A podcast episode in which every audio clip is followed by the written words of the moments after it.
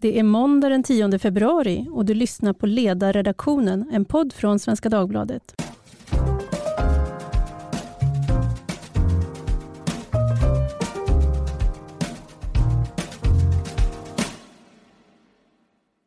Jag heter Tove Livendal och idag ska vi prata om det våld som barn och unga i allt större utsträckning är del av.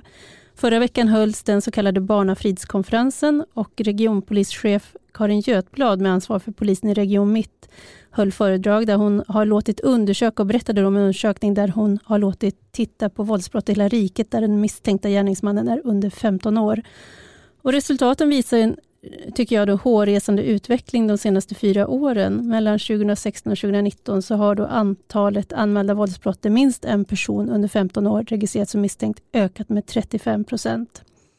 Eh, antalet personer under 15 år som har registrerats som misstänkt för våldsbrott har ökat med 40 procent. Och det är alltså bara fyra år. Och idag har sociala medier exploderat på grund av en nyhet som Aftonbladet publicerade igår. Och jag citerar. De unga rånarna tvingade ner sitt offer på marken och urinerade på honom samtidigt som de sparkade och slog och filmade alltihopa.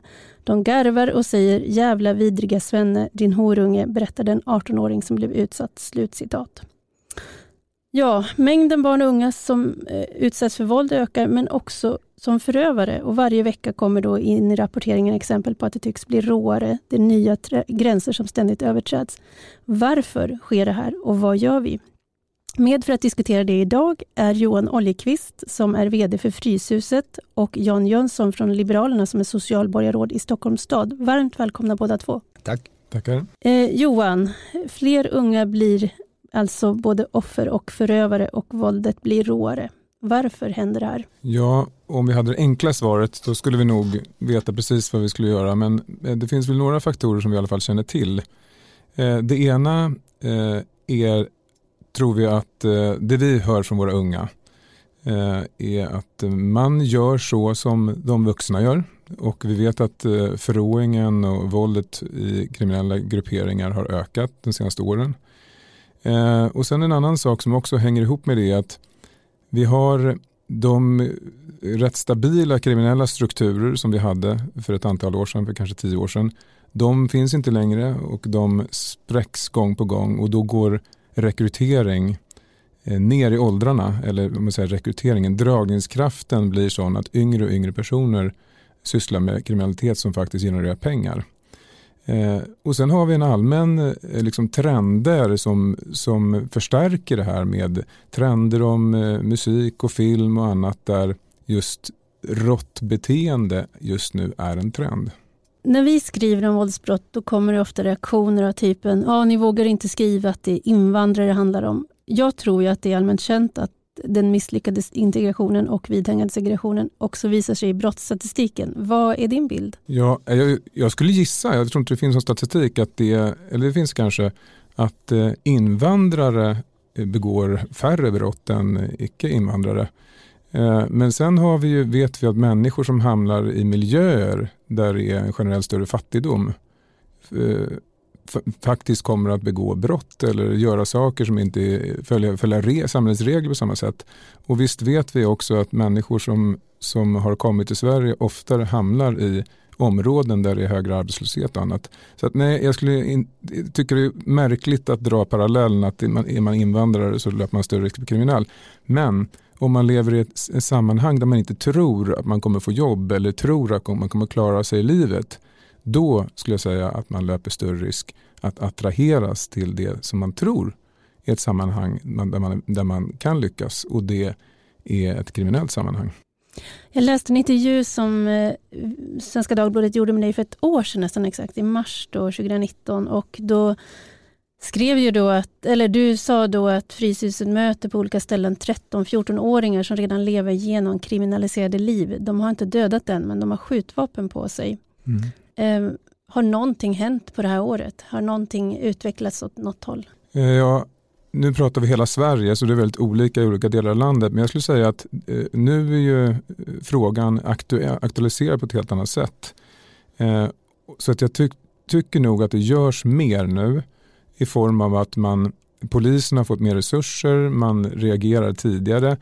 Men jag skulle säga att jag, nu har jag ingen statistik på det heller, men jag tror att vi ser ännu yngre nu eh, som eh, involveras i kriminalitet eller dras till kriminalitet. Så att det tar ju tid, oavsett om man gör saker nu så tar det tid att förändra de här eh, tendenserna. Men vi är mer oroade nu än vad vi var för ett år sedan. Mm. När vi träffade, ledarredaktionen var och träffade rikspolischefen och han talade, och då talade vi inte bara om brott mot unga utan generellt en utveckling vi ser. Han sa att han trodde att det skulle ta 10-15 år att bryta trenden. Och mm. Det är ett, ett, ett, långsiktigt perspektiv som man mm. känns ganska oroande. Eh, Jan, du som politiker tillhör ju ett mycket utskällt kollektiv får man säga. Och det som återkommande hörs, och det kan väl synas på en eh, närstående ledarsida till mig ibland också, att man har blundat för problemen och reagerat för sent. Hur mycket sanning tycker du att det ligger i den bilden? Ja, men det ligger nog en del i det eh, så tillvida att vår lagstiftning har släpat efter och man har egentligen inte gjort några översyner vare sig av socialtjänstlag eller lagen om vård av unga eller annan typ av lagstiftning som riktar sig just mot unga personer på väldigt länge. En del sånt arbete är ju igångsatt nu.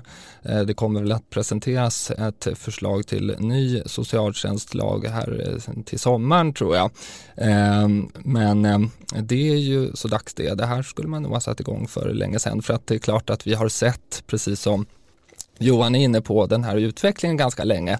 Eh, men för bara några år sedan så var ju debatten ganska annorlunda. Då var det liksom att man skulle inte nästan ha några poliser i förorten där jag själv bor och eh, det var mer av eh, enbart fritidsgårdar som skulle lösa alla problem. Mm. Nu är det ju lätt att vara efterklok och det gäller ju även för de som är arga på politiker. Men kan du försöka förklara varför har det dröjt? Och vad, vad är det som gör att det, det blir en sån eftersläpning och att det ja, som Stefan Löfvens famösa tal där han sa vi såg det inte komma.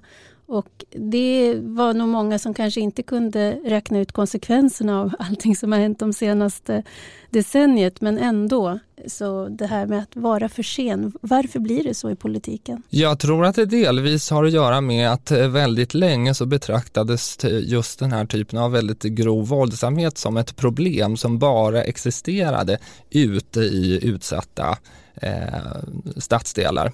Eh, jag själv bor ju då i Bredäng så jag är väldigt väl medveten om det här. Jag har växt upp med det själv och upplevt att det har varit svårt att få gehör i den politiska debatten och även eh, vad gäller mediautrymme tidigare för den här typen av frågeställningar. Nu är det ju nästan det enda som pratas om i vartenda program och eh, blir det kanske ibland något eh, onyanserat och kanske inte alltid så konstruktivt. Men eh, jag tror att en följd av att det väldigt länge betraktades som ett problem som bara tillhörde förorterna var att det blev inget politiskt tryck och därför så fångar inte ledande politiker heller upp de här frågorna utan man riktar sitt fokus på andra områden och eh, utvecklar politik där och sen när liksom det här exploderar upp i ansiktet på eh, vanligt folk då blir det plötsligt väldigt intressant för, eh, för eh, ledande politiker att, att börja ta i de här frågorna. Mm. sen ska man nog komma ihåg att ute på lokala planet i stadsdelar och bland lokalpolitiker så har de här frågorna varit aktuella väldigt länge och där har man försökt att hitta olika lösningar inom de eh, möjligheter man har i, i den lokala politiken. Men eh, då får man också anpassa sig till de resurser man har fått från högre makt så att säga. Mm. Du skrev ju en eh, artikel på SvD Debatt i fredags att mer tvång behövs när unga begår brott. Kan du berätta vad du konkret föreslår? Ja, dels så eh, har ju vi sett behovet av att komma in mycket tidigare med insatser. Idag är ju socialtjänstlagen sådan att det är frivillighet, frivillighet och frivillighet som gäller fram till dess att situationen är så oerhört allvarlig att man behöver sättas in på en sluten vårdsinstitution. Och då har det gått riktigt, riktigt långt. Det är nästan så att man redan ska ha stuckit kniven i någon för att hamna där. Eh, samtidigt så visar all forskning att eh, det är när insatserna kommer in tidigt som det har effekt. Men det är klart att om barnet själv eller föräldrarna då säger nej så har socialtjänsten egentligen inte haft något annat val än att avsluta sin utredning, vänta på att mer saker ska hända och så ska man då eh, så småningom gå fram med tvångsinsatser. Nu visar det sig då att det finns ju lagstiftning som möjliggör ett så kallat mellantvång, det vill säga att socialtjänsten kan besluta om insatser även om den unge inte ställer upp på dem. Och eh, det har aldrig använts eh, i eh, Stockholm och inte särskilt många fall i Sverige trots att paragrafen har funnits ett bra tag. Och eh, det vi anser nu i Stockholm är att vi ska utnyttja den här lagmöjligheten och därmed gå in med insatser tidigare. Förklara, varför har den inte använts? Jag, menar, jag skrev ju i höstas en väldigt uppmärksammad eh, reportage kan man säga om en familj i Uppsala där en ung man, en, en 13-åring blev så illa eh, förföljd att de har fått lämna staden. Och där var ju just eh, deras kontakter med socialen handlar ju då att de hade försökt få till någon frivillighet men det hade inte lyckats att få till ens ett samtal. Och där stannar det på något sätt och polisen säger vi har ingen när den misstänkte är under 15 så har vi liksom ingenting där att göra när det akuta läget är avvärjt. Men om det nu finns i lagen, hur är det möjligt att det inte har använts tidigare? Jag tror att det dels handlar om eh, en arbetskultur där man har i all välmening eh, försökt att eh, bilda en god samarbetsallians med familj och barn. Och då har man inte så att säga velat gå fram för hårt eh, med hopp om att kanske man vid ett senare tillfälle ska få till det här samarbetet. Och så har det liksom fått rulla på. Eh, sen är det också, ska man säga, vissa problem med den här lagstiftningen. Därför att Mellantvånget ger inte möjlighet till till exempel polishandräckning.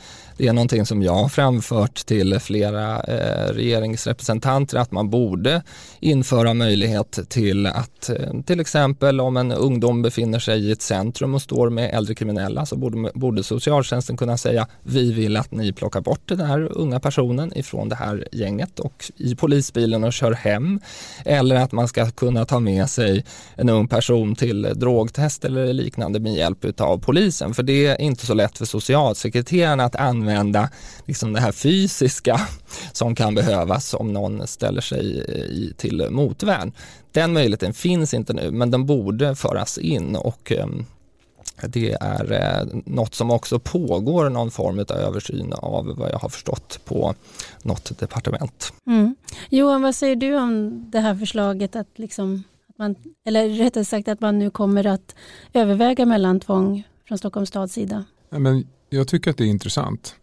Eh, om man håller i tanken, det, när vi använder de här orden, tvång och så, det låter ju som att vi bara vill tvinga människor, men det här handlar om att tvinga eh, oss att ge unga stöd och hjälp. Det, det, och har man det perspektivet så är det ett fantastiskt värde. För precis som Jan säger, utmaningen nu är ju inte att vi inte har, eh, utmaningen nu är när vi väl kommer in, då har det gått så långt så då, då når man inte fram. Eh, och eh, kan man nå fram tidigt, eh, och just nu, de här åldrarna jag pratar om nu, 12, 13 och ibland lägre, de är så små barn så konsekvenstänkandet finns ju inte där. Det är vår skyldighet att hjälpa dem att fatta beslut. Så jag tycker att det är bra, eh, bara inte det blir det enda man gör. Och risken är ju alltid att det man fokuserar på eh, som är nytt, det är det man, man gör. För vi har ju alla möjligheter idag att jobba förebyggande på andra sätt. Till exempel skolan har enormt stora möjligheter men känner ju att man inte kan, alltså det kompensatoriska uppdraget har man inte tid och resurser och kraft att göra.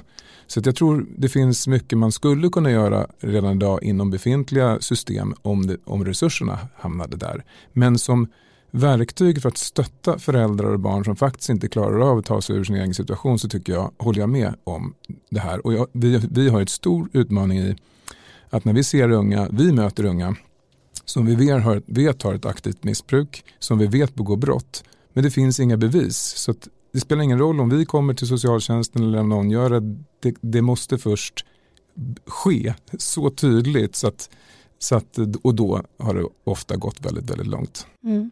Jan, du har ju en bakgrund i skolans värld, du har varit rektor.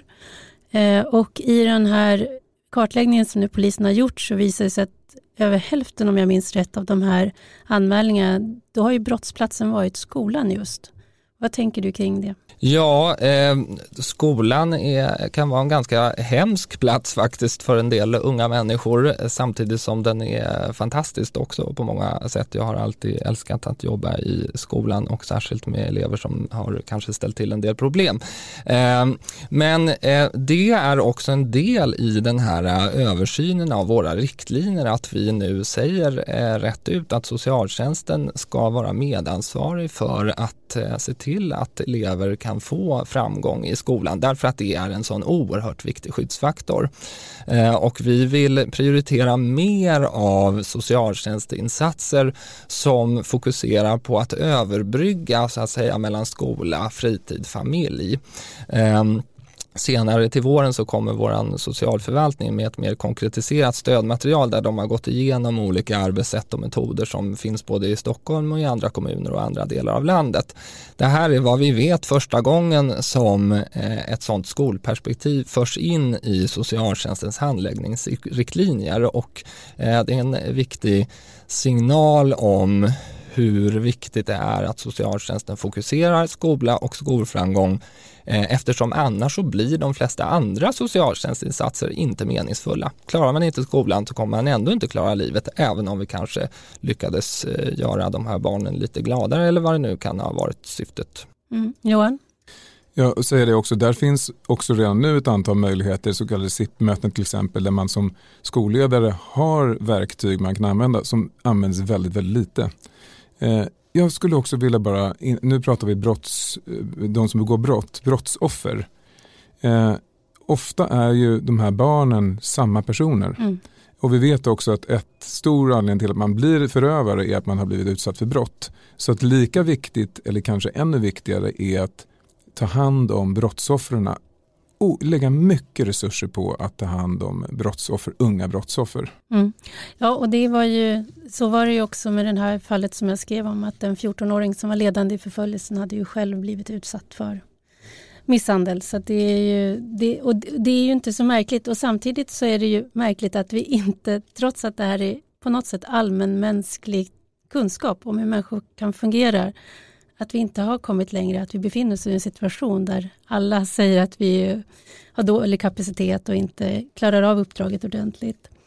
Eh, jag funderar på det här med sekretess som du också tar upp eh, Jan i din artikel, för det är också någonting som eh, kommunalrådet i Uppsala Erik Pelling lyfte som ett bekymmer, att att det finns eh, sekretesslagstiftning som gör det svårt för olika myndigheter att samverka med varandra. Att man kan inte dela information och då behandlar man kanske samma dysfunktionella problemfamilj från olika håll men man får liksom aldrig helhetsbilden hur, kan, hur ser hur läget ut? För att jag vet att, det har, att eh, Karin Götblad tidigare i podden här har sagt att hon har begärt och fått vissa lättnader. Men hur ser läget ut? Ja, eh, sekretesslagstiftning vad jag vet pågår det ingen översyn över men det skulle verkligen behövas för att precis som du säger och andra har reflekterat över så sekretessen kommer in som ett problem i, i princip alla samarbeten kring barn i riskzon oavsett om det gäller skolan som ska samarbeta med socialtjänsten eller polisen som ska samarbeta med socialtjänsten eller polisen som ska samarbeta med skolan.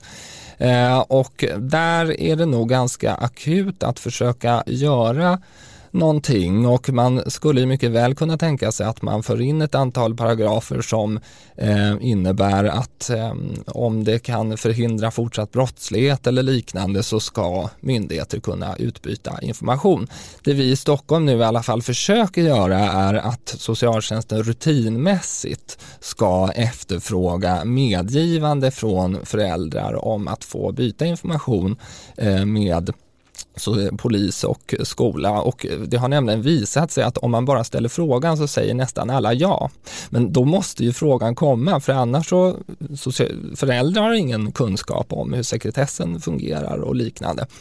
Eh, så att den frågan måste ställas och förhoppningsvis kan vi då få till en, en bättre samverkan men jag tror samtidigt att man behöver titta på den här lagstiftningen och det blir ju då upp till regering och riksdag att göra. Jag bara funderar, för det är ju så att man, man, man grunnar lite varje dag över hur man ska förhålla sig till de här rapporteringen. Att man antingen så blir man avtrubbad eller också så blir man chockad och, och, och båda delarna kanske är rätt. Jag såg en text där man hade liksom påminde om att i augusti 2003 då var det en 16-åring som häktades av Stockholms tingsrätt och eh, man, socialtjänsten i Rinkeby sa att den kunde inte ta hand om den här 16-åringen och då återstod bara häktning och det blev en jätte jättegrej. Man diskuterade i medierna, det var chockerande att en så ung människa blev inlåst och isolerad.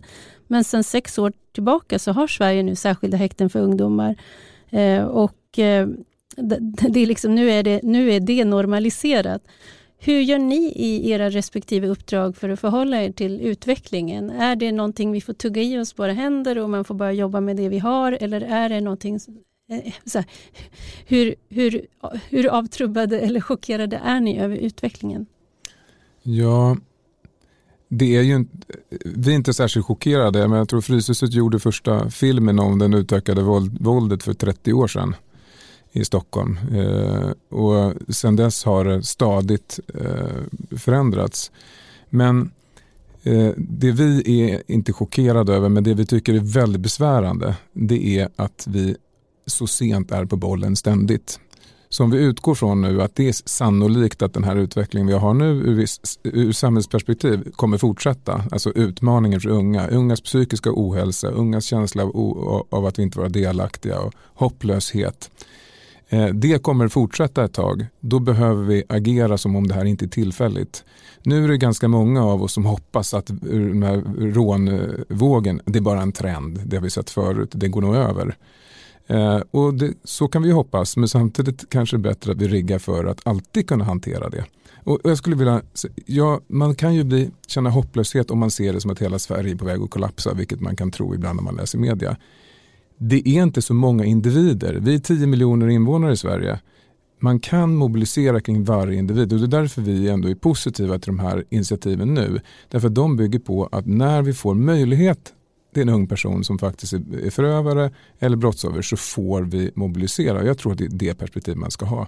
Alla ska få tillstånd att mobilisera när en ung person är förövare eller brottsoffer. Mm, ja. ja, jag blir chockerad av varje enskilt fall, inte minst därför att de verkar liksom bli grövre och grövre och så som rapporteras. Sen innebär ju inte det att det är någon mening med att liksom springa runt och och skrika och vifta med armarna utan jag försöker att möta upp genom att träffa våra poliser, våra socialsekreterare, jag ska träffa åklagarmyndigheten för att hitta lösningar bland de som jobbar ute på fältet och försöka liksom använda den lagstiftning vi har, försöka påpeka för eh, regering och riksdag att det här och det här skulle behöva förändras och sakta men säkert så når vi väl Eh, framgång skulle jag tro. Eh, sen tror jag också att en väldigt viktig del i det här är att att eh, föräldrar måste ju börja eh, också fundera på varför blir eh, de här barnen som de blir med denna liksom våldsamma utveckling. Vad kan vi göra för dem? Kan vi stödja dem mer?